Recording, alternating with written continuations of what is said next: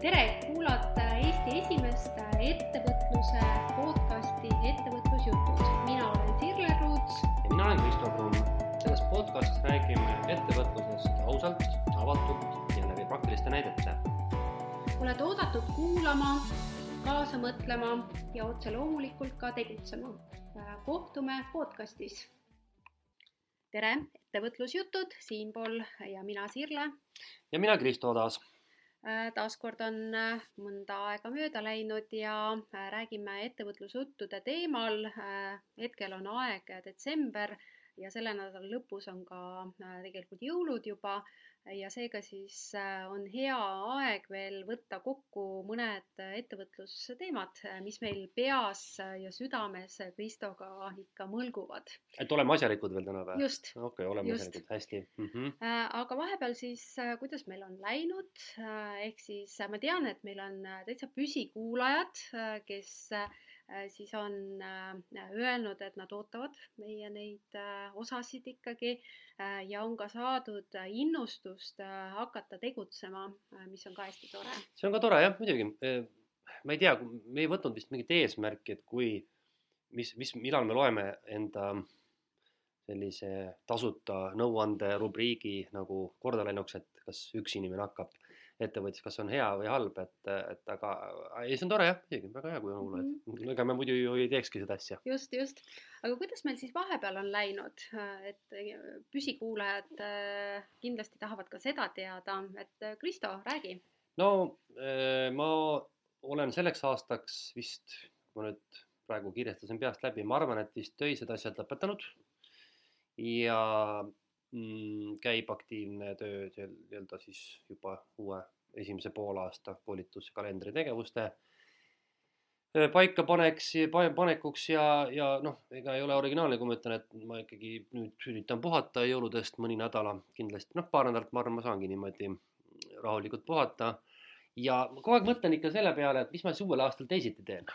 et äh, mul on mõlkunud mõttes tegeleda esialgu ääri-veeri coaching uga. ma kunagi mõtlesin minna isegi koolitusele, panin isegi selleks aastaks novembriks juba tegelikult koolituskalendrisse kirja.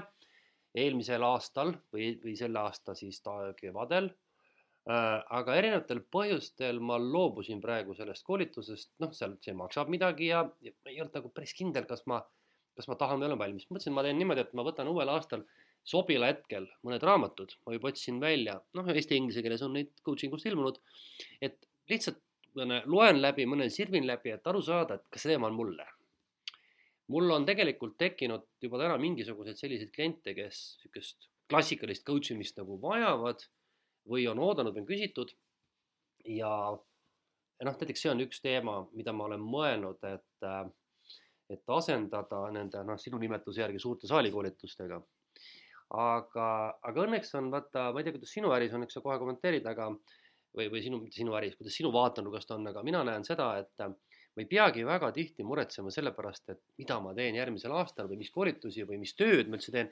et selles valdkonnas, kus me sinuga tegutseme, selline nõustamise ja koolitusäri, et seal aeg nagu ise paneb need uued väljakutsed paika, et ma mingid asjad, mis ma olen kogu aeg teinud, need langevad ära ja tekivad mingid uued koolitused või uued kliendid või uued teemad, et äh, et seetõttu ma nagu mingeid väga detailseid plaane ei sea äh,, aga ma noh, natukese ikka, eks ole, oma mentaliteeti niimoodi muudan selles osas, nii et vot noh, umbes niimoodi on see läinudki praegu mm,. no väga hea, et siis uus aasta toob äh, mõningaid põnevaid äh, väljakutseid. ja midagi, ma arvan ikka ja ilmtingimata alati on tulnud mm., ei jää tulemata noh, muidugi need ettevõtjad, kes on pikalt oma valdkonnas tegutsenud, siis nendel on tegelikult äh,, ongi natuke see süda rahul, et äh, elu äh, noh, ikkagi kujundab ka äh, seda, et on ju mingid kontaktid, mingid äh, äh projektid äh,, ehk siis äh, pigem peab olema lihtsalt kohal, et neid võimalusi võtta, et ei pea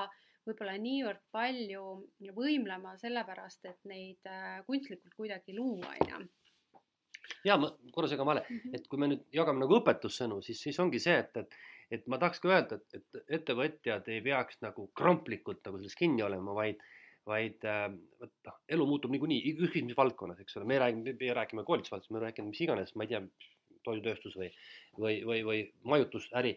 et eks tegelikult ettevõtja peab kohanema ja ma arvan, et kui ta oskab kohaneda, siis ta leiab selle õige suuna, õige tee, nii et ma tahaks öelda seda, et, et kui on sellised aasta noh, möödumised, et me teeme tagasivaadet ja ettevaadet, et siis me ei peaks, ma arvan, nagu nii kramplikult suruma läbi enda plaane, vaid usaldama natukese seda elu ennast mm. -hmm.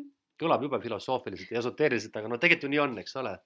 noh, eks äh, mõnel juhul ka, et ega kui on väga kramplik ja selline noh, jõuga surutud eesmärk, ega kui ikkagi kas inimene ise ei ole valmis või see keskkond ei ole valmis, äh, siis äh, noh, see ju ei noh, ei toimu. vaata näiteks, võta sinu raamat. tegelikult ju väga suurt vahet ei ole, kas raamat ilmus sel aastal või oleks ta ilmunud eelmine aasta mm,. tegelikult ei ole väga vahet, vahet on ju. teema on noh, ajas nagu jääv kogu aeg, eks ole. et see on nagu näide sellest, et kui sa näiteks oletame, et, et kavatsed eelmine aasta raamatu kirjutada, kirjutad sel aastal, siis tegelikult ju midagi hullu ei juhtunud mm. -hmm jah, seda küll, jah. info ei läinud ju kaotsi. info ei läinud kaotsi, aga kui võtta nüüd äh, minu enda see raamatu kirjastamise kogemus, äh, ma olen nüüd kolmanda paberraamatu avaldanud, äh, siis ikkagi turundus on muutunud keerulisemaks ja seda ma täiesti kogen, et ehk esimese kahe raamatu müük oli natuke lihtsam ehk siis äh,. aga milles on läinud, mis muidu keerukamaks äh,? keerukamaks selles mõttes, et digiturundus äh,, turundusega lihtsalt sa ei jõua äh, siis äh, selle oma segmendini. et mul on päris suured digiturunduse e eelarved äh, ja mul on ka noh, mõnes mõttes äh, ka see tulemus, need mõõdikud on päris head, üle keskmise, on ju, kui muidu öeldakse äh, seal, et äh, on noh, mingid mõõdikud on seal null koma üheksa protsenti. Ma nüüd täpselt peast kohe ei hakka ütlema click rate'id ilmselt jah, jah, jah, et, et äh, click-through rate, äh, noh, cost per click ja nii edasi, äh, siis, siis minul oli isegi seal kuskil kolm-neli protsenti. ehk siis noh, ta oli tegelikult päris hea, aga kui ma vaatasin, et kui paljude inimesteni ma jõudsin selle reklaamiga ja ma panin võib-olla kas kakskümmend viis, kolmkümmend eurot päevas, mis on tegelikult väga kõrge Äh, tasu äh, reklaami eest, siis äh, see oli ainult tuhanded inim-, noh mm., ütleme, et võib-olla kuni mhm. kümne mm -hmm. tuhandeni on ju.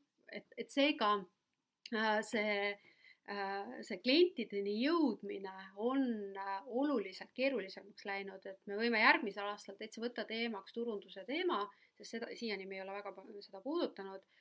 aga jah, et, et ja seetõttu ongi vaja kogu aeg järjepidevalt seda turundust tege-, teha, on vaja kogu aeg leida selliseid loovaid lahendusi. ma proovisin ka koostööturundus ära, et see väga palju noh, mingit tulemust ei toonud Äh, et ma katsetan erinevaid asju, noh, kõige paremini ikkagi toimub see persooni brändil äh, toetav äh, turundus. aga sinu sõnum on siis praegu see, et, et, et kas sa nüüd toetad minu mõtet, et elu muutub niikuinii ja sa pead selle muutuse kaasa käima või, või...? ja, ja et elu muutub ja ettevõtjatena ongi see kohanemisvõime on ikkagi mm -hmm. üks hästi-hästi oluline mm, teema, on ju, et, et noh, et, et kui muidu mõtled, et ah, et, et sa oled kaks raamatut teinud, et nüüd järgmised, järgmistega läheb kogu aeg kergemaks, äh, siis tegelikkuses äh, keskkond muutub ja sa pead ise ettevõtjana kogu aeg keskkonnaga äh, siis kohanema. Ja müük on täitsa hea, mul on tasuvuspunkt niimoodi enam-vähem noh käes. Raamatupoed võtsid ka päris palju sisse, et, et selles osas nuriseda üldse ei tasu, aga lihtsalt äh,, lihtsalt jah, et, et tuleb raskemalt. tuleb raskemalt mm, -hmm. et need turunduseelarved on kõrgemad mm -hmm. võrreldes võib-olla okay. esialgsega. aga sul jääb ootu poole, mis siis veel, mis te, te, teendi teoksil? ma, ma olen äh, siis äh, noh, sisuliselt avaldanud oma raamatut, postitanud raamatuid äh,, siis äh, hea uudis on see, et äh, ma olen taastunud läbipõlemisest ja, ja kui sina ütled, et sul on coaching järgmiseks aastaks plaanis, siis mina äh, naasen võib-olla natuke uuel kujul koolitusärisse, et ma hakkan ka jaanuaris kirjutama koolitusäri plaani endale, et kui ma praegu olen võib-olla niimoodi jah, kui ma praegu olen mõnes mõttes natuke intuitsiooni pealt või noh, selle nagu praktika pealt äh, siis teinud äh,, siis tegelikkuses on see, et, et ma tahan selle Eesti koolitusturu nagu läbi analüüsida, et kuidas hmm. see käib. Okay äh, kuidas see päriselt käib, sest, sest ma mõtlen või kaalun seda, et ma lähen võib-olla koolitaja kutset taotlema. ma mõtlesin muuseas sama, et ma mitte, ma mm, -hmm. ma mhm. taastaks selle mm -hmm. maikuus vist jah, aprilli lõpus on vist tähtaeg. Mhm, ja just, et ja. aprilli lõpus ja aga selleks, et ennem, et kui ma hakkan seda taastama või tähendab mitte taastama, vaid seda äh, taotlema äh,, see on metsik töö ja mul peaks olema mõnes mõttes see visioon sellest, et et äh, miks ma seda teen, on ju, mitte mm -hmm. see, et noh, et, et võiks koolitaja kutse teha, aga miks ma seda teen, kus kohas ma koolitajana ennast nagu positsioneerin äh, noh, sellisel kujul, nagu ma olen siiani seda teinud, ei ole mõtet teha koolitajakutset, mhm. on ju. et seega siis mul on jah, mul on tekkinud äh, läbi, peale läbipõlemist nagu uudishimu tagasi okay. Äh, tulnud, et no, väga hea. ja, ja seetõttu ma tegingi nüüd äh, sellise väljakutseprojekti, et ma mõtlesin, et ma hakkan ise kirjutama noh, endale äriplaani, siis ma mõtlesin, et ma võiksin ju oma kliendid ka kaasata, et äh, ma tegin jaanuari alguses sellise väljakutseprojekti, kus kohas koos, koos oma klientidega, kliendid kirjutavad oma äriplaani, mina enda oma, toimub nagu selline noh, koolitus, mentorlus, grupi mentorluse projekt ka on ju. Äh, sest äh, noh, praegu registreerujate pealt see tagasiside ikkagi näitab seda, et mikroettevõtjad, noh, need, kes on alustanud ja, ja kellel äh, Äh, kellel ei ole seda ikkagi strateegilist fookust või seda konkreetsust, et neid on päris palju ja sellest inspireerituna ka on meie tänane teema mm -hmm, tegelikult mm, -hmm. millest me kohe-kohe räägime. et seega jah, et kokkuvõtlikult äh, see, et, et täitsa tore on, peaks natuke puhkama ja siis uuel aastal tegelikult võtma hästi selline, sellise konkreetse eesmärgistatud plaani ette, on ju. Mhm, okei vot. aga tänane teema, tänane teema siis tulebki siis inspireerituna äh, sellest, äh, sellest projektist, äh, mis ma plaanin siis teha uuel aastal, on see, et et miks siis mikroettevõtjad ei kasva, et miks, miks mikroettevõtjad jäävad väikeseks, miks mikroettevõtjaid on nii palju? Ja miks siis ettevõtjad ei kasva?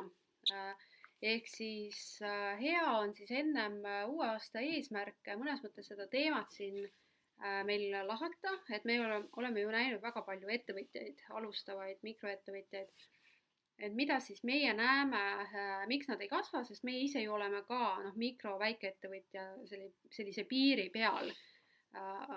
vot, et kuidas sulle tundub see teema mm? -hmm no, no proovime läbi närida, et äkki, äkki me suudame anda midagi uut veel mm. -hmm. kas siis mikroettevõtja kaitseks või vaba, vastupidi nende niisugune tuju rikkumiseks. just okay., aga alustame siis sellest, et kes on üldse mikroettevõtja äh, ehk siis äh, hea oleks nagu need mõisted nii-öelda mm -hmm. selgeks on ju teha. minul minu jaoks või äh, noh, ma ütlen enda niisuguse definitsiooni või ja siis sa saad äh, noh, täiendada, on ju. Äh, on sellist, üks on teoreetiline, teine on praktiline. Teoreetiline on see, et raamatupidamise seaduses on siis toodud definitsioon, mille järgi siis mikroettevõtja on ettevõtja, kelle aasta müügitulu on või käive on viiskümmend tuhat eurot, seal on üks osanik ja juhatuse liige ja seal on, oli siis varade ja äh, Äh, kohustuste maht ka, on ju, see mul peas ei ole, aga noh, kõige olulisem viiskümmend tuhat, on ju. teine on selline praktiline, et näiteks siis, kui oli Covidiga seoses eurotoetuste jagamised, siis äh, erinevad siis Euroopa Liidu toetusorganisatsioonid ehk siis riik defineeris niimoodi, et mikroettevõtja on ettevõtja, kellel on siis äh, aastakäive kuskil sada tuhat. ehk siis äh, Äh, ehk siis siit läheb natuke see lahku, on ju, et mi, mis sina arvad, et kes on äh, mikroettevõtjad? ma tooks juurde veel Statistikaameti järgi on kuni üheksa või kümme töötajatel mm. -hmm. see on veel mm -hmm. kolmas variant, eks ole. nii et noh, siis me mõtleme, et kui ühelt poolt on viiskümmend tuhat, siis kümne töötajaga viitekümmet tuhandet teha on ikka niru, ma pakuks mm -hmm. välja. mina olen niimoodi võtnud, et äh, mulle meeldib veel kasutada selliseid oma loodud mõisteid nagu kääbusettevõtja ja monoettevõtja ja sellised. ma ütleks, et kõige paremini saab inimene aru siis, kui ta kujutab ennast ette, et ta ongi iseendale tööandja, ma pakun välja, eks ole, et see on niisugune mm -hmm. ühe mehe firma. see võib äärmisel olla ka niisugune pereettevõte, kus võib-olla noh, naine või mees koos midagi teevad või, või mõni laps on kaasatud. ma jääksin ka sellesse käibepiiridesse ikkagi sinna viiekümne või saja tuuri, no siin Mhm. vahele võiks olla, öelda Mhm. niimoodi, eks ole. on või kuni sada tuhat, et, et noh, eks need kõik ole ikkagi mikroettevõtjad, et, et jah, tõesti mulle, mulle see raamatupidamise see seaduse võib-olla formatsioon meeldib roh- rohkem kui Statistikaameti see ainult see töötajate arvu järgi. sest äh, kümne äh, töötajaga ettevõte võib kerida ka megakäibe ju kokku, eks ole, miljonites ja noh, meie saame ju aru, et see ei ole enam mikro, eks ole, see on ikkagi päris arvestatav ettevõtmine. et ma arvan, et see käive ja, ja see võib-olla isegi ütleks niimoodi, et, et see haare ise Mhm. Vaata, eks ole, et noh, et, et kui sa, ma tegin kunagi, ma olen seda vist ka meie saadetes maininud, tegin kunagi igat risti-põiki kõikvõimalikku Statistikaameti analüüsi, mis ma leidsin, kõiki neid avaandmeid, mis on saadaval ja ja ma avastasin, et Eestis oli vist, see oli mingisuguse aasta taguse andmetega umbes kuuskümmend tuhat pluss natukene ettevõtet, kus töötas tähendab, kus sai palka üks või mitte keegi inimestest et noh, see võiks näidata mingit numbrit, eks ole, et need on, need ongi need ühe mehe ettevõtted. ja noh, loomulikult noh, kui ma vaatasin seda keskmist äh, tulu kuus, siis see oligi paras sihuke mikroettevõtja, kaks tuhat eurot. No see on päris äh, karm statistika, sellepärast et äh, kui äh, äriregistris on registreeritud üle kahesaja tuhande ettevõtte, siis minu arust Statistikaamet ju peab arvestust ainult majanduslikult aktiivsete ettevõtete osas ja see on vist kuskil seal saja tuhande pluss piiri peal. seda ma ei oska isegi öelda ja mm, Mhm. -hmm. et, et tegelikult ju registreeritud on tõesti meil kõik need e-residendid, siis on välismaa ettevõtte filiaalid, siis on, eks ole, FIE-d, kõik need on tõesti päris palju. Äri, äriühinguid oli mingi sada viiskümmend tuhat Mhm. noh, need nii-öelda, mis on siis äh, äriseadustiku alusel, eks ju, need tulevad juurde siis veel äh, FIE-d ja tulevad juurde välismaa äriühingu filiaalid ja tulevad juurde e-residendid. Mhm. et ma isegi ei tea, kui palju neid aktiivselt on jah, aga, aga noh, tegelikult ikkagi reaalselt on need noh, jämedalt ikkagi pooled tegutsevatest on need monoettevõtted, kus ongi üks inimene. Mhm, mhm. Jah, sest äh, äh, see noh, niisugune definitsioon läheb ka sellega, et mida öeldakse, et kui inimene müüb oma aega, et siis see käibepiir ongi umbes saja tuhande. Eestis, jah, ja, ja, ja, on. et sa noh, sul on võimalus seda kuidagi suurendada, aga sa pead ärimudelit natuke Mhm. muutma, et sa pead mõnes mõttes ennast automatiseerima, on ju. no ühesõnaga, me arvame, kui me, kui me, kui me ütleme niimoodi inimestele, et, et mikroettevõtja kõige lihtsamas sõnastuses on, on ühe, heal juhul kahe töötajaga ettevõtted ja kes siis nii-öelda tõesti müüvad enda aega, nad on vähe automatiseeritud ja nende käive jääb kuni saja tuhande piires, siis me räägime enam-vähem mikroettevõtjatest. Mhm. kuigi siin äh, võib jällegi olla kuulajad, kes siis mõtlevad, et mis mõttes sada tuhat, lihtsalt kui mina saan saja tuhande eurose käibega ettevõtte, siis ma ikka tunnen, et ma olen ikka Mhm. päris suur. aga tuleb öelda, et need ei ole suured, need on siiski, ettevõtlus on siiski väga väike jah, Mhm, midagi öelda. sest et me peame arvestama ühte asja. Ma alati eh, toon oma, oma finantskoolitustel välja, kui me, kui ma jõuan otsapidi nende äriplaanide ja finantsplaanide, siis ma ütlen niimoodi, et, et lepime siis niimoodi kokku, et on olemas, eks ole, nagu selline brutokäive. Ja siis on olemas netokäive, eks ole, võtame sealt brutokäibest nüüd materjalikulu maha. ja siis jääb järgi see käive, mille pealt hakatakse maksma siis palka ja saama kasumit, siis noh, see number on kindlasti väiksem, eks ole, näiteks kui sa oled kohvikupidaja, siis tegelikult ju su käibenumbrid võivadki olla see saja tuhande ringis, eks ole ju. aga see, mis sul kätte jääb, on võib-olla sealt ainult noh, ma ei tea, kolmandik mm, -hmm. neljandik, eks ole ju. nii et, et aga samal ajal näiteks, kui me võtame sinuga üksteist, siis meie käive on sada protsenti kogukäive, eks ole, sest meie ju materjali meil ei ole, eks ole Mhm. et eks ta on nii ja naa äh,, aga, aga noh, peab arvestama jah, et, et ikkagi äh, sada tuhat ei ole ettevõtluses täna ikkagi mingi number, midagi ei ole parata, noh, nii tuleb ausalt nagu noh, vaadata peeglisse, ütleme niimoodi, eks ole. Mhm. noh, seal on see, et, äh, et kui me võtame nagu statistiliselt, noh, riigi statistiliselt, kui on nagu ambitsioon saada, ma ei tea, Äripäeva top, äh, rikaste toppi või, või edukate ettevõtete toppi, siis sada tuhat ei ole tõesti noh, üldiselt väga suur käive.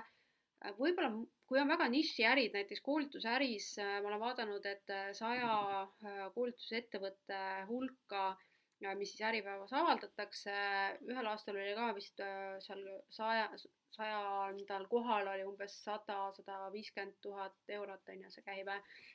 ehk siis jah, et, et aga, Äh, et seega noh, kui me võtame suurpilti, et siis saja tuhande eurose käibega ettevõte on Eesti mõistes ja ka maailma mõistes väga väike, aga kui me võtame võib-olla nagu isiku tasandil, siis on suur. siis on suur. ja on suur jah ja. ja kui sa nüüd paned selle palganumbrisse korraks, mõtle mm, -hmm. jaga sada tuhat nüüd kaheteistkümnega, sa saad ikkagi tere alla kümne tuhande kuutulu, see on mm -hmm. täitsa megapapp ju. jah, sest. kui sa mõtled meie... palgatöötaja peale. ja, ja et sest meie ju ka kõrged riigiametnikud, president, ei saa nii palju, ei saa nii palju, jah, just, jah. et palga mõistes on see küll niimoodi, aga ma arvan, et me võime praegu kohe öelda ühe etteruttava fakti ära, et, et inimesed kipuvad tihti seda numbrit mõtestama just palgatöötaja seisukohast ettevõtja seisukohast tuleks seda mõelda just teistmoodi, eks ole mm -hmm.. okei okay,, no saime definitsiooni paika. ja, et seega siis äh, arutame siis selles mõttes, et et jah, et kui mikroettevõtja on seal, võib-olla mõnele inimesele on see sada tuhat väga suur, mõnele teisele on väga väike, et siis jätame selle, võib-olla selle nagu sada tuhat, selle natuke eemale mm, -hmm, et võtame mm -hmm. niimoodi mikroettevõtjat kui inimest, kes siis hakkab äh, tegelema ettevõtlusega. või tegeleb. või tegeleb mm -hmm. ettevõtlusega ja ta tunneb, et äh, ta teeb äh, väga palju tööd ja teeb isegi väga palju rohkem tööd, kui ta palgatööl, aga ikkagi ots otsaga igakuiselt välja ei tule. ehk siis võtame nagu sellise definitsiooni laiendi sinna juurde, et, et see mikroettevõtja on selline, kes siis äh, sisuliselt on nagu palgatöötaja, ta teeb seda oma ettevõttes, ta tuleb kuidagi ots otsaga kokku või ei tule ja kaalub, et et noh, et, et ma ei tea, et kas ma peaksin kasvama või ma, või ma siis äh, peaksin kinni panema või siis noh, midagi peaks muutma, ehk siis äh, inimene, kes on jõudnud nagu küsimuseni, et miks siis ma ei suuda kasvada, on ju. siin on nüüd niimoodi äh,, üks on ei suuda, aga me siin eetriväliselt ka rääkisime korraks, et tegelikult on ma pean tõstma üles või välja ühe seltskonna, kes ei tahagi kasvada suuremaks mm. -hmm. aga noh, nendel muidugi ilmselt on see, et nad on äh, teadlikult arvestanud selle käibe või selle nii-öelda tulu suurusega, eks ole mm. -hmm. Et siin on nagu tegelikult ähm, noh, ütleme, et, et, et üks, üks osa ettevõtjatest, miks ei kasva või, või miks neil on see nii-öelda see mahuprobleem on see, see ei olegi probleem, nad ei soovigi, neil ongi selline see, see, see ette, noh, ühelt poolt ilmselt ambitsiooni võib ikka olla, aga teiselt poolt ka äh, võib-olla teadlikult ütlevadki, et ma ei tahagi nagu vaata, et see ettevõte nii suureks saaks. ma teengi natuke nagu poole jõuga, onju.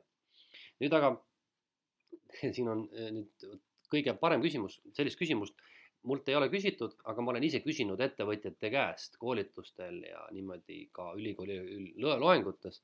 et kui me nüüd mõtleme nagu päris pildile, siis eh, on, on selge, et eh, ettevõtja peaks endalt küsima sellise küsimuse, et kui suur on minu tänase töö ja ärimudeli piires üldse minu maksimaalne tulu saamise võimalus ja ma toon alati näite näiteks juuksur. tegelikult on juuksur maailma parim näide mikroettevõtjast selle kõige paremas tähenduses. ta ennem töötas palgatöötajana juuksurisalongis, nüüd teeb oma salongi, mitte midagi pole muutunud, eks ole ju. ainult, et, et ta ainult maksab palka iseendale.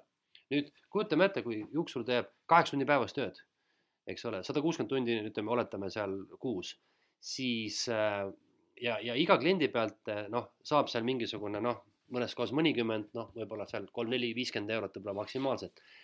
siis tema saab tegelikult täna väga lihtsalt välja rõhutada, mis tema maksimumkäibe üldse on ja millest üle minna ei saa. sest kui kliendid rohkem nõus maksma ei ole, siis teha mitte midagi ei ole ka. ja see ongi tema äri maksimumpiir mm. -hmm. nii et noh, see on väga paljudel äridel, see juuksuri näide on just üks, on tea-, tegelikult juba ärimudeliga või selle, millega ta tegeleb, juba ette määratud tema tegelik piir. no seal ongi siis äh, see, et äh, noh, üks on inimene noh, ütlebki, et aga ma ei tahagi rohkem. see, no siis on arusaadav, ja, ja. ma teengi äh, oma reeglite järgi äh, endale töökoha äh,. mina nimetan neid ettevõtjaid nagu elustiili ettevõtjateks mm -hmm. ja mida on noh, defineeritud ka meedias et elustiili ettevõtja on selline, kelle nagu äri siis äh, toetab tema elustiili, et see elustiil on tegelikult number üks, mitte see võib-olla äri mm -hmm. kasv, on ju. Äh, ehk siis äh, noh, inimene võibki siis arvutada välja tegelikult selle summa, mis siis tema jaoks on okei okay Äh, ja kui ta saab seda iga aasta ja seal on lisaks käibele muidugi peaks olema siis kasumi suurus ka, mida sageli ei arvutata. et näiteks, et kui seal on noh, ütleme, et noh, see sada tuhat eurot või viiskümmend tuhat eurot ja sellest on noh, teenuseäris võibki olla, et noh, viiekümne tuhande peal, kui sa maksad palgad ära, et sul võib-olla jääb seal kümme tuhat. kümme tuhat järgi umbes niimoodi jah. järgi on ju saja tuhande pealt tegelikult seal tekib juba selline mahuefekt, et seal noh, võib jääda ka viiskümmend protsenti alles on ju, et noh, pole paha tegelikult ju mm -hmm. oma elustiili siis äh, nautida, et kui sul jääb kuskil iga aasta viiskümmend tuhat nagu üle on ju aga jah, et, et äh, näiteks äh, noh, sellisel juhul tõesti inimesed ei tahagi kasvada, et see on oluline, et neil nagu see ärimudel toimib äh, ja, ja nad naudivad oma elustiili. aga ma arvan, need ei ole ka tänased need, kes probleemi ees seisavad mm -hmm. tihtipeale on ju jaa, sest tegelikult on probleem see, et kui ma vaatan ka enda selle äriplaani väljakutse projektiga liitujaid, siis probleem on see, et, et kasvust me ikkagi räägime sellest, et et mi-, miks mikroettevõtjad ei kasva, et me räägime kasvust veelgi, veelgi madalamalt, et inimesed isegi ei suuda teha endale kasvu sellist, et nad saavad endale töötasu maksta. jah, no see on juba, ja ma tean, see on enamuste jaoks on see megakasv, et, et ja. ma saaks hakata maksma palka. ja, ja mul on ka sellel aastal mentorluses üsna nõrk olevat pehmelt öeldes, eks ole. et võtame siis äh, siin võib-olla veelgi kitsendame seda, et jätame ka välja need elustiili mm -hmm. ettevõtjad on ju et, et siis me võtame, et noh, kus kohas see probleem on, et see kasvuprobleem on tegelikult see, et äh, inimene, kes on alustanud oma ettevõtlusega äh, siis suur selline esimene alustamise entusiasm on äh, mööda läinud ja siis ta avastab, et tegelikkuses ta on ettevõtja, aga ta ei suuda isegi endale palka maksta, et ja siis seal on nagu küsimus, et ta peaks tegelikult kasvama, et jõuda käibeni, ütleme, et seal noh, ütleme, et kuus on ju kuni ma ei tea, viis tuhat eurot on ju noh, minul on muidugi tutvusringkonnas inimesi, kes ütlevad, et see ei ole mingi ettevõtlussirle, et, et noh, neid niisuguseid ettevõtjaid ei peakski olema, noh, mina ja, ei ole sellega päris ja, nõus. noh, paljud ütlevad niimoodi, noh, ma ka ei ole päris nõus, aga, aga, aga omamoodi seal kindlasti mm -hmm. mingi juba on jah. jah, et, et seega, et, et miks siis, miks siis need ettevõtjad ei kasva? No kui me nüüd jätame kõik selle muu kõrvale, mis me rääkinud oleme, siis mina oskan pakkuda seda, et ärimudel ei toeta kõigepealt seda. ehk siis ma arvan, et lihtsalt Eh, sellisel moel neid asju tehes, kas sinu võimsus on liiga väike, sinu tulusus on liiga väike, sa pead müüma meeletut mahtu, et üldse saada mingisugustki äh, tulu. ma võin siin näite tuua, ma ei mäleta, kas ma olen seda näidet varem toonud, aga ühel koolitusel me mängisime siis läbi ka sellise tasuvuspunkti ja muu asja ja siis oligi niimoodi, et, et panime lauale kaks asja, koguse ja hinna. Ja siis noh, küsisin täpselt, et ütle, et kui palju sa jõuad neid tooteid toota ja selleks, et palka maksta, tegemist oli selliste käsitöölist, käsitöönduslike asjadega, siis oli niimoodi, et kas A, ütleme, et müügihind, mis oli viisteist eurot turul tema oleks pidanud müüma kahesaja euroga, et toime tulla selle kogusega, mis ta oleks suuteline tegema. ja kui ta oleks siis pidanud müüma seda viieteist euroga, siis see kogus oleks pidanud olema kümme korda või sada korda suurem, mis ta oleks üldse suutnud teha, saad aru.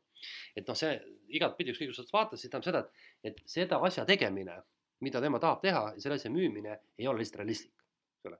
et turg on liiga väike äh, või liiga vaene ma tooks välja esimese põhjuse näiteks sellise. see on hea, hea point tegelikult, turg on liiga väike või siis on liiga vaene või siis äh, ettevõtja teadmised on madalad. jah mm -hmm., kõik tegelikult juba ette, ette, ettevalmistuse faas mm, -hmm. vaata, see on see, mikspärast käsit-, kästakse kirjutada äriplaani ja miks on vaja läbi viia turuanalüüsi, et sa vähemalt suudad hinnata turu suurustki, eks ole.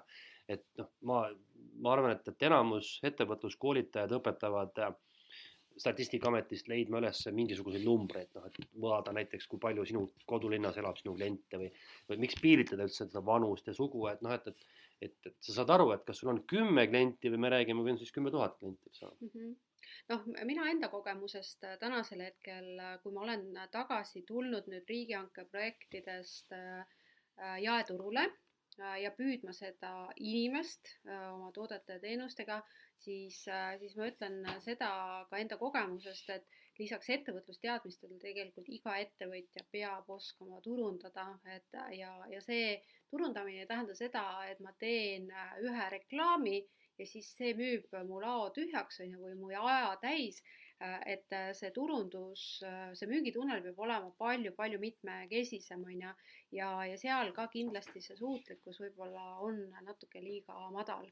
Ehk siis see, kasv Äh, kasv jah, et, et äh, noh, üks on jah, et, et see ärimudel ei toimi äh, ja noh, teine on see, et see, need teadmised tegelikult noh, kui see ärimudel isegi toimib, et siis need teadmised, et viia see sinna kliendini, see toodeteenus. no see on siis, eks ole, niisugused noh, need on need nii-öelda ärilised kompetentsid mm, -hmm, et see noh mm -hmm., ma ütleks niimoodi, et niisugune, niisugune elementaarne teadmine, et turg, tarbijad, turumaht, noh, mis veel, tasuvuspunkt, eks ole ma ei tea, tarbijate nõudluse ennustamine, noh, tunduvad meile väga siuksed tavalised jutud olevat, eks ole, aga, aga ettevõtjale, kes ei ole sellega tegelenud, see on nagu ma ei tea, näiteks ütleme treenimisel söömine, noh mm -hmm., eks ole, kui mina teen trennis, ma lähen pärast söön kapsasuppi, eks ole, aga võib-olla tegelikult peaks sööma, ma ei tea, kurat teab mida, eks ole, või enne trenni.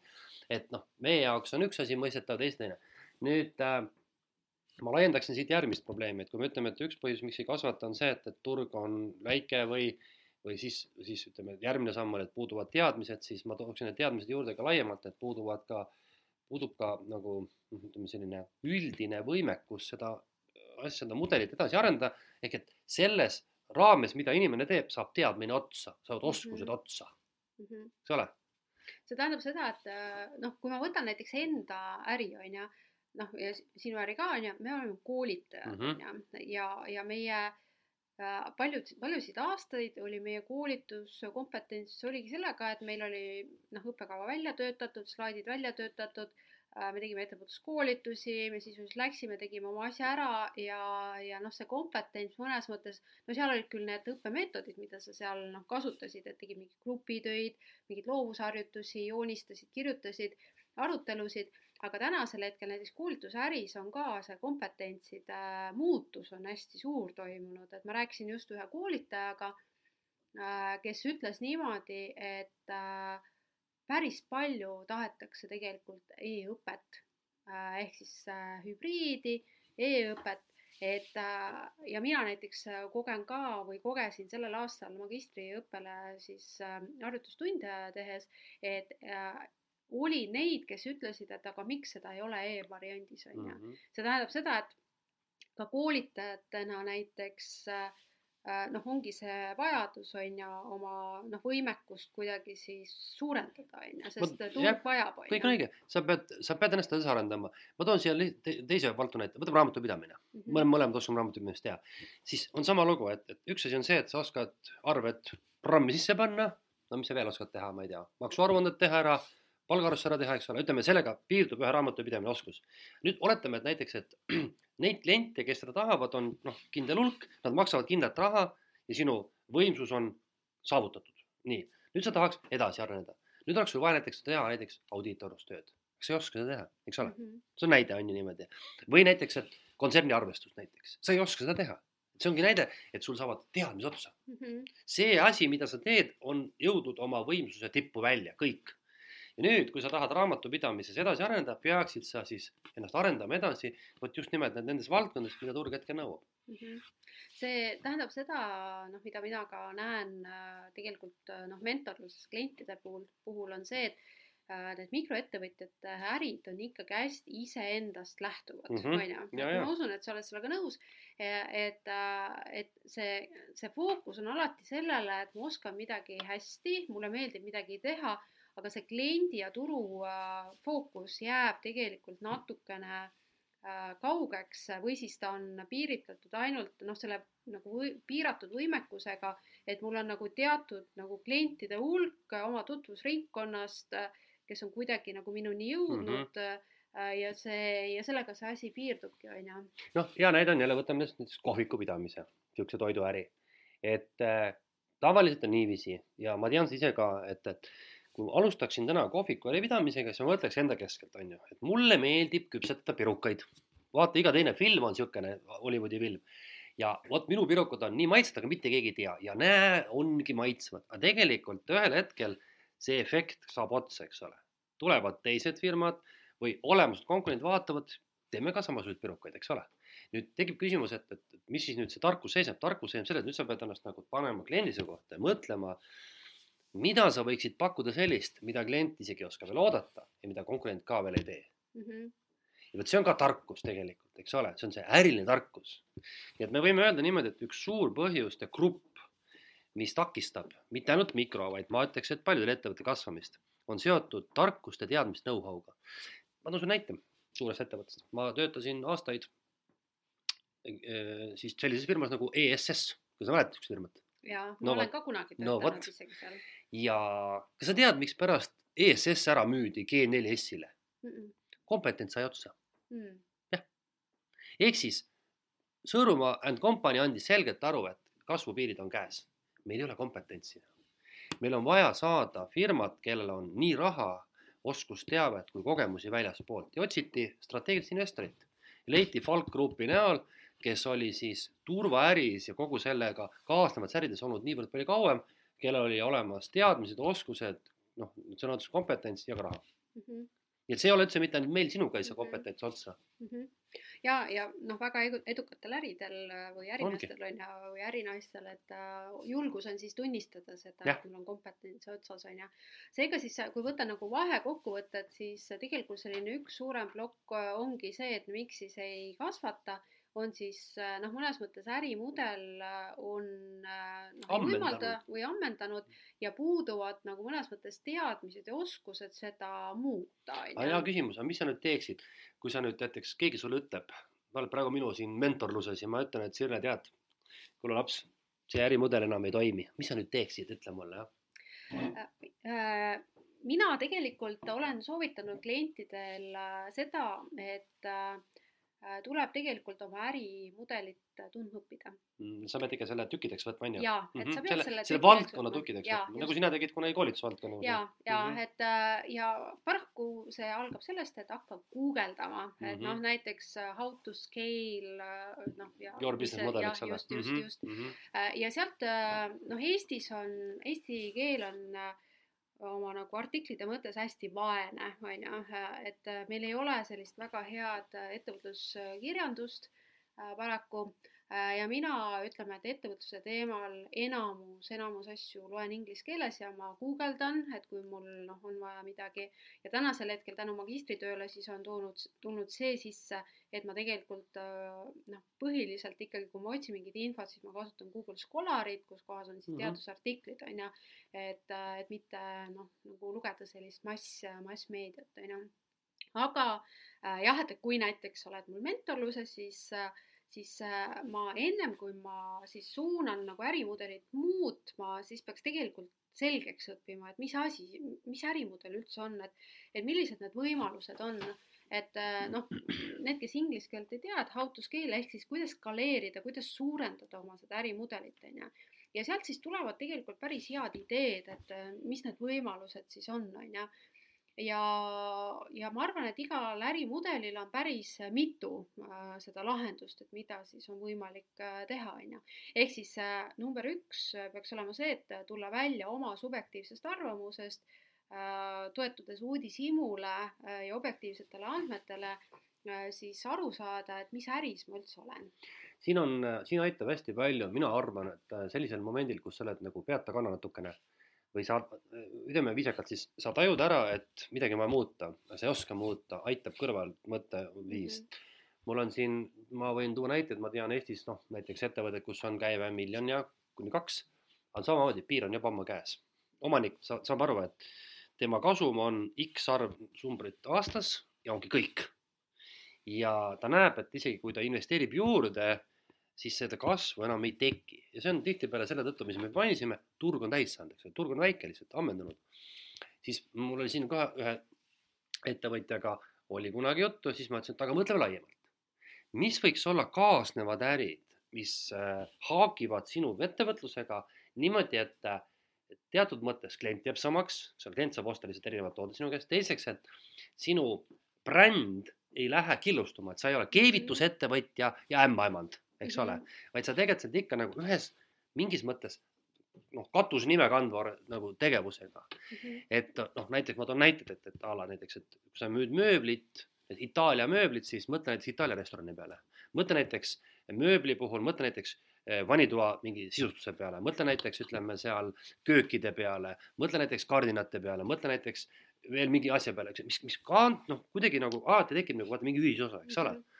et, et see on üks variante jah, Mhm. ja ma olen seda ju ise, ma arvan, mitmeid kordi läbi elanud, kus, kus samamoodi, et, et kui sa näed, see, see asi on liiga pisikene, niisugune pöidlaotsa suurune, aga kui sa suudad leida mingeid kattuvaid osiseid sinna juurde, tekitada sellise noh, niisugune nagu niisuguse ämbliku võrgu, kus need a- arud hakkavad jooksma, siis sa ikkagi, sa jääd sama asja tegema, sa ei pea minema nüüd teise ärisse, mida sa veel üldse ei tunne. On võimalik niimoodi läinud küll, aga selleks peab nagu noh, ongi keegi nõu andma sulle, vaata tihtipeale jah. mul on siin sellest aastast päris mitu kogemust nii iseenda kui ka oma klientide peal, et ähm, äh, kus kohas äh, inimene ise tahab kasvada, aga äh, ta ei leia äh, head koostööd. ehk siis äh, siinkohal noh, aastaid tagasi on Eestis tehtud sellist äh, uuringut äh, Eesti ettevõtete seas, et Eesti ettevõtjad üldse teevad nagu halvasti nagu koostööd, on ju, et kõik proovivad nagu kuidagi üksinda toimetada Äh, ja, ja ongi niimoodi, et, et sa võid, võid ka äh, olla nagu selle takistuse taga, et, et sa ise nagu tahaks koostööd teha, aga ei ole nagu koostööpartnerid, noh, seal tekib kohe küsimus, et miks on ju, kas tõesti inimesed siis ei taha nagu teha nagu koostööd. mina ise nagu mõtlen seda, et selle inimesega äh, tahetakse alati või selle ettevõttega koostööd teha, kes on edukas ehk siis äh, kui see koostöö toetub sellisele, et ma olen ise nagu mikroettevõte, ma ei tea, mida ma teen, ma ei tea seda oma väärtuspakkumist, mul puudub nagu persoonibränd, et ma olen nagu mõnes mõttes äh, mitte keegi metsast äh, ja tahan nagu teha koostööd, et siis tegelikult äh, esimene samm peaks olema seda, et äh, et noh, et, et vaata peeglisse. noh, minul, minul sellel aastal oli üks olukord, et ma tegin ühe koostööpakkumise Äh, ja, ja sellest keelduti. muidu ma alguses olin solvunud, et mis mõttes ma ju pakun mingit lahendust ja aga noh, hiljem, kui emotsioonid raugesid, siis ma sain aru, et tegelikkuses ma olen nagu täpselt samasugune mikroettevõtja nagu tema, ta ei viitsi jamada nagu sellega, aga kui ma oleks võib-olla suur tegija. suur tegija, et siis ta oleks nagu kohe tegelikult äh, tulnud, on ju, ja teinud minuga koostööd. et mõnes mõttes, kui me tahame kasvada läbi koostöö, siis me peame olema ise nagu nii-öelda vara, on ju. samal ajal, kui sa nüüd tegelikult võtad niimoodi, mina olen, ma nüüd toon siis ka näite sellest koostööst, ma olen äh, kasvamise eesmärgil ja arenemise eesmärgil aastaid otsinud nii-öelda turult, koolitusturult siis erinevaid koostööpartnereid. kunagi ammu aega tagasi, kui ma alustasin, ma proovisin koostööd Peep Ainuga. õigemini ma kirjutasin talle, mitte midagi juhtunud, ta ei vastanud mitte. siis ma proovisin veel ühe oma kooli, koolitusfirmaga koostööd, ka see ei toiminud. Need olid, nemad olid nagu suuremad, tuntumad. siis ma mõtlesin, mis umbes samamoodi, mitte umbes niimoodi, et noh, et ju siis mina olin liiga väike nendeks, nad ei näinud ise mingit väärtust selles. Ja siis ma võtsin teise lähenemise, mis tõi meid nüüd siis ühise laua taha, et endasugused, aga edasipürglikud. saad aru, et kaks väikest panevad kokku, no no me oleme väikesed tegelikult, eks ole. ehk siis, et, et ma ei lähe nende suurte juurde, mingu siis põrgu, reputagu seal, kui tahavad, ma võtan teise ambitsioonika endasuguse ja koos püüaksime. Mhm, ja siis äh, ütleme, et see on palju viljakam tihtipeale mhm. jah, ja ja hästi erinevates valdkondades. jah, et, et seal lihtsalt äh, noh, tulekski äh, just mõnes mõttes jah, aru saada, et, et äh, mis on siis, kui me paneme nagu koos. Küsimus on väärtustes, jah, mis see väärtus on. koos Mhm. nagu väärtust mm -hmm. loome, et Ikka, mitte ikka. see, et ma ei lähe nagu teise tuules nagu seda oma brändi. Seda tihtipeale tahetakse teha, ja, ja et noh, mõnes mõttes ega see ettevõtlus ei ole ju väga mugav tegevus mm -hmm. ja Mhm., ja ta on ikkagi selline stressi tekitav. noh, tore oleks ju teinekord natuke lihtsamalt saada, et see on ju inimlik, Mhm. aga noh, selge on see, et äh, mina ka mõtlen, et kui tahet, tahta nagu koos kasvada, et siis äh, ja siis tegelikult äh, noh, tuleb äh, äh, peeglisse vaadata ja kasvatada enda väärtust. noh, et sa saad teha koostööd nendega, kellega sa oled sarnane, on ju. noh, mina olen selles mõttes, see on mul ammu olnud üsna pragmaatiline, et, et, et mulle noh, nüüd vähem, aga vahepeal tehti hästi palju koostööettepanekuid, siis ma tegelikult vahest küsin otse ja vahest niimoodi ise mõtlesin, et no, mis, et, et mis, miks me peaks koostööd tegema, et mis osapooled sellest Mhm. võidavad. mul on praegu üks koostööpakkumine ja ma ei ole päriselt aru saanud, mis see point on. et noh, minul on hästi lihtne küsimus. Ma ei ole seda küsinud, seda küsimust veel, aga ilmselt noh, ma viisakalt küsin seda ilmselt mingil hetkel ka eh, pakkuja poolt, et äh, et kui sina pakud mulle koostööd, siis et, et mida ma võidan sinuga koos, mida ma üksi teha ei suudaks, eks ole Mhm. et, et lihtsalt niisama on ka muidugi tore aega veeta, aga noh, ärilises mõttes vaata lihtne on ju tülli minna, eks ole, kaks kahekesi arvestades noh, kaks erinevat ini, inimest, kaks erinevat ärimudelit jah. Aga ütleme, et okei okay,, see on nüüd lahendus sellele, eks ole, selle kasvamisele, ma ise mõtlen, et mida mina pakuks välja. no ma ütlesin, et eks üks on see kaasnevad, eks ole, ärid, mida saab vaadata. ja ma ikkagi arvan, et mingitel äridel on ka ots peal ühel hetkel, noh, aeg on otsa saanud, eks ole, et mingid äh, valdkonnad, mingid teemad lihtsalt ei toimi enam. et kui siin nüüd reaalselt mõelda, siis noh, ma ei tea, võtame näiteks mingi, ma ei tea, mingi põllumajanduse, kui ma ei tea, sa kasvatasid jutumärkides kartuleid, aga nüüd on seesama kartul tuleb kuskilt teisest eh, riigist palju-palju odavamalt ja ette ei ole nähagi, et see elu paremaks läheb, siis peab olema ka julgus öelda, et kõik, ma enam neid kartuleid ei kasvata. ma hakkan nüüd hoopis kapsaid kasvatama näiteks, eks ole. et see on tegelikult veel karmim otsus ja seda ei julgeta teha, püütakse nagu venitada seda kummi, ma olen vahel pidanud ütlema otse vahel kaude, et noh, saa aru, et, et, et see asi, see enam ei toimi. Aga kuidas sa lased sellest lahti, kuidas sa viskad kõik oma tehtu võssa ja hak-, et hakkad tegelema mingi uue asjaga, mille sa üldse ei tunne, lihtsalt sellepärast, et noh, et vana enam ei müü. ma ikka proovin, äkki see vana toode ikka veel elab, eks ole. jah, see on inimlik, sellepärast et äh, siis, kui ma oma seda raamatut äh, kirjutasin Hirm ettevõtluse ees ja, ja seal läbipõlemist äh, käsitlesin äh,, siis üks läbipõlemise äh, ohutegureid on see, et see ettevõte on inimese nagu oma nii-öelda beebi mm. -hmm, ja, ja ta tegelikult jah, et, et äh, viimse hingetõmbeni usub, et sellest äh, saab asja, onju. Mhm. okei, no nii, mis meil, mis meil veel on siis? me tegelikult jõudsime raamatuni, äkki sa avad sealt mõned tahud ka, mis tegelikult räägib ka selle probleemile natukese avab seda tausta, räägib kaasa. Äh, no muidugi, kui võtta niimoodi üleüldse, et miks ei kasvata, siis noh, erinevad muidugi psühholoogilised takistused on, et äh, ja, ja seal noh, turundus on seotud tagasilükkamise hirmuga, on ju, või siis äh, näiteks riskide võtmine on seotud ebaõnnestumise hirmuga, mille sisuks on, on ju turvatunde puudumine, ehk siis mõnes mõttes, et sa hakkaks kasvama, see, see tähendab kõrgemaid riske ja sa peadki tegelikult tegema seda äri natukene teistmoodi, ehk siis mitte intuitsiooni pealt, vaid, vaid tõesti võib-olla kirjutama oma äriplaani, on ju, ennem turule sisenemist testima äh, seda turgu. millest vastikud tegevused on ju? noh, vastikud Jah, tegevused. finantsplaani koostama näiteks, jah, nägema, kui kahjumlik tegelikult see asi on. jah, jah, et äh, oma Jah. ja müügihinna arvutust Jah. tegema, et mitte võtta jah, turul. need on vastikud asjad kõik jah mm. jah, -hmm. et, et sa pead nagu natuke teistmoodi seda vaatama ja, ja seal ongi see noh, et see ebaõnnestumise hirm mõnes mõttes aktiveerub, et siis ongi üks,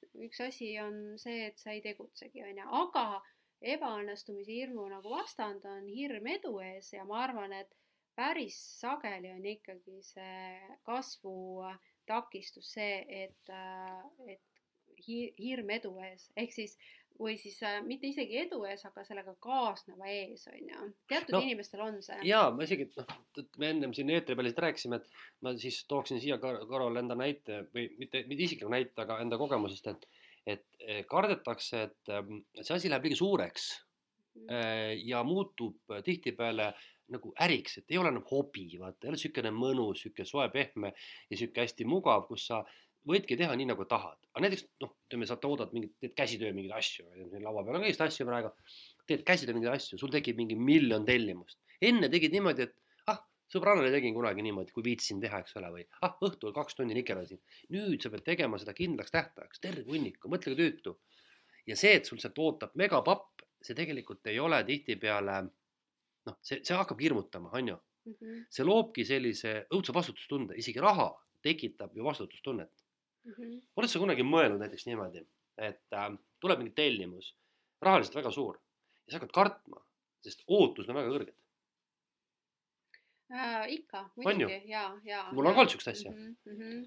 et kui on liiga suur pakkumine sulle, siis sa tekitab sinus oot-, ärevuse, sest sa saad aru, et noh, et, et kui ikkagi ütleme, keegi tahab kümnetonnist koolitust, siis ootused on ikka jube kõrged, eks ole mm -hmm.. noh, võib-olla on, võib-olla ei ole, kes see teab mm. -hmm. sama on igas äris, on ju niimoodi mm -hmm. eks see, see, see, see tekitab hirmu, lihtsam on müüa kahekümne eurost vidinat sõbrannale, sa tead, et noh, et, et see on väike raha ja ta ei tohi pettuda selles, sest ta teab, et sellest ei saa ju midagi mm. -hmm. no see on niisugune mõtteviis, ma räägin mm. -hmm. jah, sellepärast et, ähm, et seal äh, Äh, noh, on ju erinevad kliendisegmendid äh, ja seal siis tulebki tajuda tegelikult seda, et kui sa lähed nagu sellisesse äh, noh, premium klassi -hmm. on ju, et siis ka see ootus kliendil, ta maksab rohkem raha ja, ja tema vajadused on nagu teistsugused, on ju. aga kõik ei ole mõeldud, kõik ei ole tegelikult valmis sinna premium klassi minema mm. -hmm. mõtle iseennast kliendina praegu et ähm, kui sa tahad midagi osta, siis selge on see, et, et näiteks ma ei tea, lähed sööma kuskile, siis üks on käia sellises bursikohvikus või, või, või kuskilt osta mingeid friikaid kaasa. noh, see on üks ta tase, eks ole, teist on minna tipprestorani, siis seda taset, mis tipprestoranis pakutakse, ei ole suutelised pakkuma enamus neid friikate valmistajad, lihtsalt nii ongi selge mm. -hmm. Uh, mis veel muidugi on üsna levinud, ma arvan, et iga meie kuulaja teab seda, et ühel hetkel kasvumule paneb pidurit rahapuudus eks ole, või üldse ressursipuudus. on see raha, inimesed, ka füüsilised asjad, ma ei tea, ma olen maad vaja näiteks juurde, vaatan, eks ole. Äh, ja tegelikult eks rahapuudus on, on, ma ütleks niimoodi, et see jookseb vaata peaaegu pooltest ettevõtetest läbi. sest äh, või tänapäeval inimeste puudus. Ma inimeste puudust ei oska kommenteerida, sest vaata mm, noh, ma, ma pole ammu värvanud inimesi tööle. Ja kui ma kunagi värbasin, siis neid veel ei olnud puudu. See oli viimati viis aastat tagasi ja siis, siis ei olnud veel niisugust probleemi. aga rahapuudus on küll üks asi jah, sa saad aru, et noh, et sul oleks vaja näiteks ütleme, toota ägedamat toodet, sul on vaja osta uuemad seadmed, need kurat maksavad seal kümme, sada tuhat, eks ole.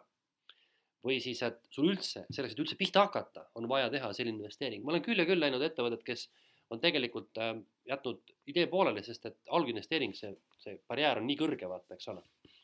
Äh, ja, ja siinkohal mul on äh, niisugune oma arvamus üldse, kui ma vaatan Eestit, on ju, et me natuke ka ennem rääkisime siin e-, Eesti-Ameerika nagu ärikeskkonna erinevustest, siis Eestis on tekkinud niisugune olukord, mm, kuna ma ise olen ju pikalt Euroopa Liidu projekte kirjutanud ja, ja olen kursis, on ju, mis seal toimub, siis on see, et Eestis saab raha mingil kujul veel alustaja, noh, Töötukassa Riigi Tugiteenuste Keskus, teed selle äriplaani, äh, kui see ikkagi ärimudel toimib, siis sa tegelikult saad selle väikese algstardi on ju kätte. või siis, kui sa hakkad oma nagu teenust äh, müüma, et siis sa lihtsalt äh, hakkadki vaikselt on ju pihta. ja siis saavad raha tegelikult suured ettevõtted, ehk siis näiteks EAS-is, kui ma räägin, või noh, nüüd uus ettevõte, KredExi ja EAS-i ühendusettevõte Äh, siis seal on äh, tingimused, et nende toodete, teenusteni või noh, tooted nagu rahani, teenused, erinevad koolitus, mentorprogrammid jõuavad ettevõtted, kellel on ikkagi käibed juba äh, seal pool miljonit äh, ja rohkem, on ju. Mis siis tähendab seda, et, et Eestis tegelikult on ära unustatud äh, see mikroettevõtja. Äh, kui me räägime sellisest äh, noh, Euroopa Liidu rahadest mm, -hmm. noh, siinkohal muidugi ma olen nõus sellega, et, et kas, kas ettevõtlust üldse peaks toetama, on ju, et, et siinkohal ma võib-olla, et kui toetada, siis toetada nagu võrdsel alusel, on ju, mitte see, et üks segment on täiesti ära unustatud, need, kes tegelikult mõnes mõttes vajavad kõige rohkem seda raha, on ju ehk siis noh, suurettevõtted ka, aga ma saan aru ka riigist, mis, miks suurettevõtetesse raha toetuste näol pumbatakse, on see, et nad loovad töökohti ja ju riik ja, saab selle no, raha mm -hmm. nagu tagasi, aga aga mis tekitab tegelikult väga ebaõiglase konkurentsiolukorra, on ju. no nende toetustega on veel, veel teine rida on see, et, et äh, isegi kui seal ei ole võib-olla see käibepiir tihtipeale piiranguks, siis on piiranguks see, et omafinantseering tuleb välja mhm. käia, mis võib olla ka väga suur, see on jälle taas rahapuudus mm. -hmm. aga ma toon korra näite näiteks äh, rahapuudusest ka ütleme teenusettevõtte puhul nagu näiteks mina või sina. oletame näiteks, et me tahame nüüd kasvada, laieneda, meil on vaja tööle võtta või me kavatseme tööle võtta siin mitu inimest. siis esimesed kolm kuud sa maksad neile palka ilma tegelikult tulemuste saavutamata on ju -hmm. see tähendab sulle lõdvalt mingisugune paar-kolm tuhat kuus täiendav kulu. Eks ole, niimoodi võib-olla kolm kuud ja võib-olla kolme kuu möödudes avastad, ei juhtunudki midagi. ja see inimene läheb minema. nüüd ma hakkan mõtlema, eks ole, kui paljudel mikrodel on võimalik puhver selliseks eksperimendiks, on ju. või näiteks ütleme, et sa tahad minna praegu, ma ei tea, kuskile välisturule hakkama pakkuma koolitusi, oletame näiteks sa pead seal kohal käima, sa pead seal turundama, sa pead seal e lausa elama mingil ajal, eks ole, sa pead seal tegema tohutu kulutusi. Kus sul see, on sul see puhver, ei ole, eks ole, vaata on niimoodi. et vot see on nagu näide, et, et see ei pea olema mingi tootmisettevõte, kes vajab ühte seadet, see võib olla ka teenusettevõte, kellel on vaja investeerida inimestesse või iseenda aega. ja sul ei ole lihtsalt seda võimekust, lihtsalt ei ole mm, -hmm. eks ole ju. või näiteks ütleme, et sul on vaja osta mingisugune kallis litsents, kümme tonni, siis sa mõtled, noh, kust ma selle raha võtan, isegi kui mul on, sa ei raatsi seda eks ole, sa pigem lööd käega, ütled, ma ei osta litsentsi, ma tegutsen ikka samamoodi natukene väikselt, aga kindlalt mm. -hmm. no see ikkagi taandub sellele, et äh, väga vähe äh, testitakse turgu ennem onju Äh, see tähendab seda, et seal noh, miks siis jäetakse see litsents või midagi ostmata, on see, et see ebaõnnestumishirm on päris suur. kindlasti jah, jah. Mis siis äh, tähendab seda, et noh, sellistes kategooriates mängimisel tegelikult ikkagi on vaja kas teha eelmüüki, et sa pead tegelikult oma ärimudeli läbi mõtlema, et ärimudel mulle väga meeldib Maria Forleo mm, selline definitsioon, et ärimudel on rahamudel, käibemudel. see tähendab seda, et ennem kui ma hakkan investeeringuid tegema, ma pean tegelikult aru saama, äh, kas, äh, äh, kas see äri nagu toimib või mitte. ja näiteks minu puhul on see, et miks ma ka teen seda koolituse äri nagu äriplaani, on see, et et aru saada, et, et millised on need ärilised võimalused seal, sellepärast et oma aja müük ei ole ju tegelikult selline pikas perspektiivis jätkusuutlik ärimudel, sellepärast et kui ma järgmine kord läbi põlen, äh, siis see ärimudel ei toimi, on ju. Mhm, rahavoog katkeb ju kohe. just, rahavoog mm -hmm. katkeb kohe, et, et aru saada, et millised need ärivõimalused äh, siis seal on, on ju. jah, aga noh, me jõuame tagasi sinna välja, et, ähm, et millest on igales jutt ikkagi, et miks üldse Eestis võib-olla näiteks on see üldine sihuke ettevõtlusambitsioonikus ja kasv väike on see, et, et noh, seesama oskamatus või julguse puudus kasvada, areneda, minna riigist välja, eks ole mm. -hmm. ja seda me võime tuua ka mikrotasandile, öeldes, et see on seesama riskide võtmine täiendavateks investeeringuteks, riskide võtmine teistsugusteks äriväljakutseteks, äh, riskide võtmine või, või julgus proovida asju täitsa teistmoodi, eks ole ju. Äh, sest ega noh, äri on ju mis iganes asi, sul on näiteks ütleme, et võimalik teha asju ühtemoodi, sa kunagi ei tea, kas see toimib või ei toimi nüüd on küsimus, kas sa oled valmis alla neelama selle ebaõnnestumise, öeldes, et see oli huvitav eksperiment, ma nägin, et see ei tööta mm. -hmm. et noh, need on jah, ilmselt ikkagi niisugune klassikaline hulk nüüd nendest põhjustest. aga ma arvan, et me peaksime ikkagi nagu mingisuguseid veel soovitusi jagama, et mitte jääma nüüd sellise konstateeringu juurde, et noh, pole pappi, siis tõmba uttu, eks ole. et äh, oskad sina midagi nagu, nagu positiivset tuua välja, noh, me oleme, mida sa veel pole rääkinud, et ärimudeli muutus kõik, eks ole, turundus kõik. kas on veel midagi, mida sa oskaks soovitada, mida siis need ettevõtjad võiksid selles mõttes mõelda, et, et, et kui nad on sellise tunde või sellise fakti ees, et nad ei kasva? no mina ikkagi olen praegu hästi sellise ettevõtja psühholoogia suuna peal on ju, ja, ja ma soovitan tegelikult äh, ikkagi äh, võib-olla rohkem jälgida neid, kes on omas valdkonnas natukene nagu edasi läinud, ehk siis jälgida oma konkurente või potentsiaalseid konkurente tulevikus, kes on suured ettevõtted, kuidas nad teevad seda äh,, siis äh, mida nad teevad teistmoodi. Äh,, siis võib-olla noh, tasub ka isegi äh, noh, võtta nagu ühendust ja näiteks noh, tudengitega muidugi see toimis, et nad pidid võtma ühendust siis konkurendiga ja tegema intervjuu, on ju.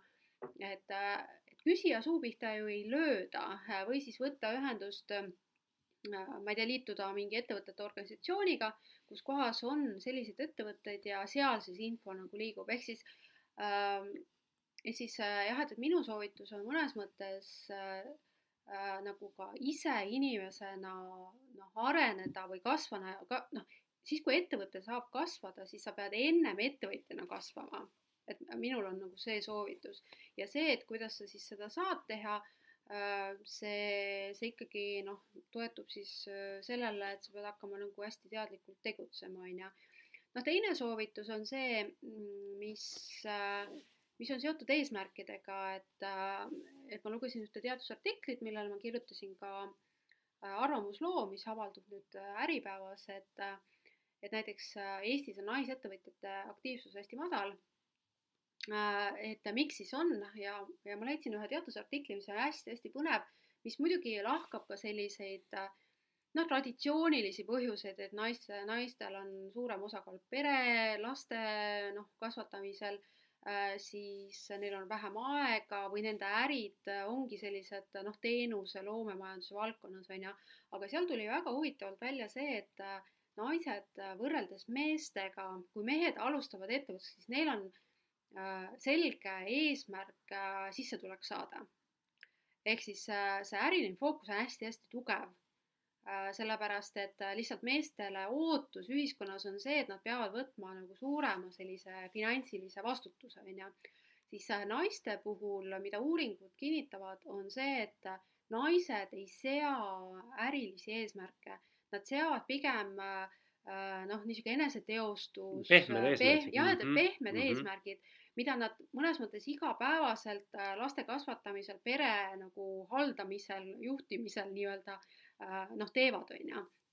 ehk siis, äh, ehk siis noh, kui tahta kasvada, siis peavad olema sellised noh, mõõdetavad, realistlikud, numbrilised eesmärgid, mida, mille jälgimist ja millest lähtuvalt tegutsemist tegelikult jälgitakse igapäevaselt mm. -hmm sest mina vaatan ise, et äh, juhul ne, mingitel perioodidel, kui ma eesmärke ei sõnasta, siis läheb kohe kuidagi niimoodi ujuma, ma olen nagu paadike sellises mõnusas vesiroosides äh, tulvil äh, tiigikeses, olen nagu seal nagu sulbin või hulbin, on ju.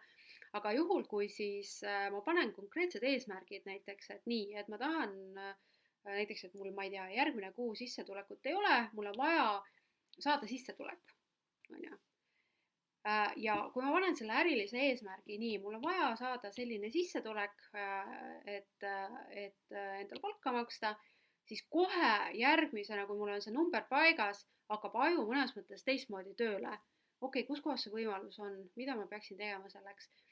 Äh, ja, ja see mõnes mõttes võtab nagu sind sellest mugavustsoonis kohe välja, et sa, et sa tegelikult tahad ju olla seal mugavustsoonis, on ju aga kui sa paned selle mõõdetava eesmärgi ja sa pead seda saavutama, siis äh, siis tegelikult su aju hakkab kohe teistmoodi äh, okay. nagu mõtlema. no see on nagu minu kogemus. Mm -hmm. ma ei ole, ma ei ole niimoodi isegi kunagi mõtestanud seda asja, kuigi ma arvan, alateadlikult ikka käitunud jah mm. -hmm. no ma arvan küll, sest äh, nii palju, kui me oleme siin jaganud, äh, siis äh,, siis sa oled küll jaganud, et sa ju tegelikult teed lähtuvalt äh, nii-öelda numbrilistelt, numbrilistest eesmärkidest ju oma otsuseid, mhm. on ju. ma ise mõtlesin siia juurde veel, et äh, sellest me ka rääkisime põgusalt, et äh, on väga suur vahe, kas sa mõtled palgatöötajana või ettevõtjana, on ju, mhm. et vaata äh, senikaua, kui inimene mõtleb palgatöötajana, siis tal ei olegi võimalik ettevõtluses kasvada. ta hakkab kartma neid suurrahanumbreid, vaata, eks mm -hmm. ole. selle, selle, selle juures on üks huvitav sihuke psühholoogiline või siis ka sihuke ma isegi öelda, kuidas öelda, see teooria on, see on see kasulikkuse teooria, et äh, igal inimesel on mingil hetkel niisugune kasulikkuse piir. et äh, see on seotud riskiga, kui palju inimene soovib pingutada ja see seos on umbes selline, et, et ütleme niimoodi, et näiteks, et, et ma ütlen sulle, Sille, et, et äh, sa saad praegu ütleme näiteks oletama, et sa teenid nii palju raha, aga mis oleks, kui sa teeksid veel rohkem tööd ja pingutaksid veel rohkem ja võtaks veel rohkem riske, siis saad kaks korda rohkem tulu. siis nüüd inimene ütleb selle peale, et aga eh, ma ei soovi rohkem, sellepärast et täiendav eh, hulk rikkust ei anna mulle enam täiendava sama suure hulga kasulikkust mm. -hmm. ja ma ei ole nõus riskima ega pingutama selle nimel, et saada veel natuke raha juurde, sest minu hüved ja kasulikkus on juba täis. ja palgatöötajatel, palgatöötaja mõtteviis on tihtipeale selline, ma ei tea, kuidagi alustada, ma ise olen ka ju otsapidi, sinagi siin ülikoolis palgatöötaja, aga see on nagu mõtteviisi küsimus, vaata, eks ole, et selleks, et nagu kasvada, areneda ettevõtjana, peaks sa mõtlema ettevõtjalikult. ja, ja see on selles mõttes oluline, et sa pead nagu aru, aru saama, et, et kas sinus on sellist ettevõtjalikku käitumismaneeri või sa tegidki selle ettevõtte sellepärast, et sul oli palka vaja. no tegelikult nii on ju vaata, eks ole. see, see, see vahe ongi selles, et, et senikaua, kui sa tead, oota, palju mul see palk oli, noh, kaks tonni, kui ma kaks tonni saaksin, kurat, see oleks ikka väga äge, eks ole. ja siis sa tead, siis oledki kahe tonni inimene, saad aru, siis sa mm., siis sa ei saa kunagi kümnetuhandeseks või sajatuhandeseks.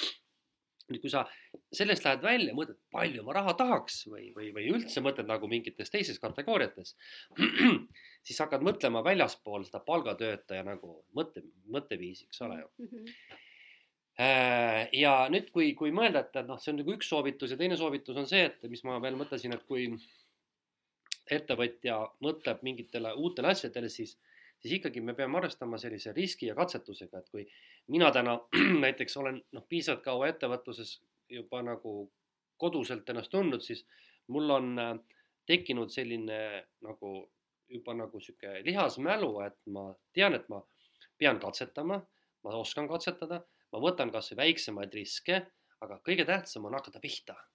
ma tihtipeale näen seda, seda probleemi pigem selles, et, et kujutame ette niisugust kinnist ruumi, kinnist raami, eks ole, siis, siis inimene jääb sellesse ruumi kinni, raamidesse kinni ja püüab selles ruumis leida veel rohkem midagi, selle asemel, et teha uks lahti astuda järgmisse tuppa mm. -hmm. ja see on ka nagu, see ongi see julgus katsetada, julgus proovida, et, et noh, need, need ilmselt on niisugused noh, eks ole, enam-vähem sellised märksõnad, võib-olla kõrgem pilotaaž on see, et me räägime välisturule minekust, me räägime ekspordist, aga kui me räägime nagu esialgu veel võib-olla maisemast osast, siis on, ma arvan, et on, on võimalik leida neid ärivõimalusi ka siit koduturult veel täna, tehes asju teistmoodi paremini või tehes teisi asju ja et, et kasvada, areneda. ja sest äh, teinekord on ka takistuseks äh, uskumus, et ah, see Eesti turg on nii väike ja mina olen ka seda mõelnud, ah koolitusäris, ettevõtluskoolitusäris Eesti turg on niivõrd väike ja Euroopa Liidu raha ja siis ma vaatan, et mõni konkurent teeb nagu niimoodi nipsust. niisugust käivet ja, ja. jah, jah, ja siis ma mõtlen, et äh, tegelikult noh, ikkagi jällegi peeglisse vaatamise aeg, et et ei tasu olla selline ka kriitiline äh, Äh, kui tegelikult oled äh, ise süüdi selles, et sa ei tegutse. küsimus on ilmselt ka selles muidugi piiris, et kui, kui me noh, siin oleme rääkinud sinuga, siis ütleme, miljoni euroks on, on kasvu ja arengut veel palju, eks mm -hmm. ole, et, et näiteks aastakäibe miljon tähendaks ikkagi hoopis teistsugust ärimudelit, aga, aga aga ütleme, et, et praegu täna on võimalik ikkagi noh, mina näen ju veel kogu aeg kasvada mm. -hmm jah, sest mulle meeldib äh, nüüd meenutada meie ühte varasemat äh, ju podcast'i osa, Kapi miljonär äh, ja kus kohas siis me mõlemad tunnistasime, et me oleme kapi miljonärid. et, et võikski siin võib-olla kas siis nüüd aasta lõpu saates või uue aasta alguses võib-olla tuua korra see mõte uuesti lauale, et mida siis me teeksime nagu teistmoodi, et sinna sellest kapi mm -hmm. miljonäri saat-, staatusest nagu välja astuda, on ju aga igal juhul äh, suur aitäh äh, kuulajatele jälle ja olemegi äh, saanud päris huvitava saate tegelikult no, nii-öelda purki. väga hea ma, ma väga loodan, eks, mis kuulame pärast järgi, kui, kui tarka juttu me ise ajasime, siis. ja, ja, ja otse loomulikult hea on lisaks kuulamisele siis võtta mingi paar tegevust, mida kohe ellu viia mm -hmm. ka, mhm. on ju. teoritiseerida on, on tore, aga mm -hmm. tihtipeale parim teooria on praktika. just aga siis äh, ilusat äh, saabuvaid äh, jõule äh, või siis kui kuulad, siis uuel aastal siis äh, jõulud saabuvad ikka, on ju. jah, küll nad tulevad aga head siis tegutsemist ja ja võib-olla tõesti küsi endalt siis kuulaja esiteks, kas sa üldse tahad kasvada ja kui see vastus on jah, siis vastata küsimusele, et kuidas see võimalik on ja selle kohta tegelikult leidsid siit Äh, meie tänases podcastis päris palju mõtteid. jah, ja mina ka ainult soovin ilusat ja kõike head rahulikku aega teile mm. -hmm. uute juttudeni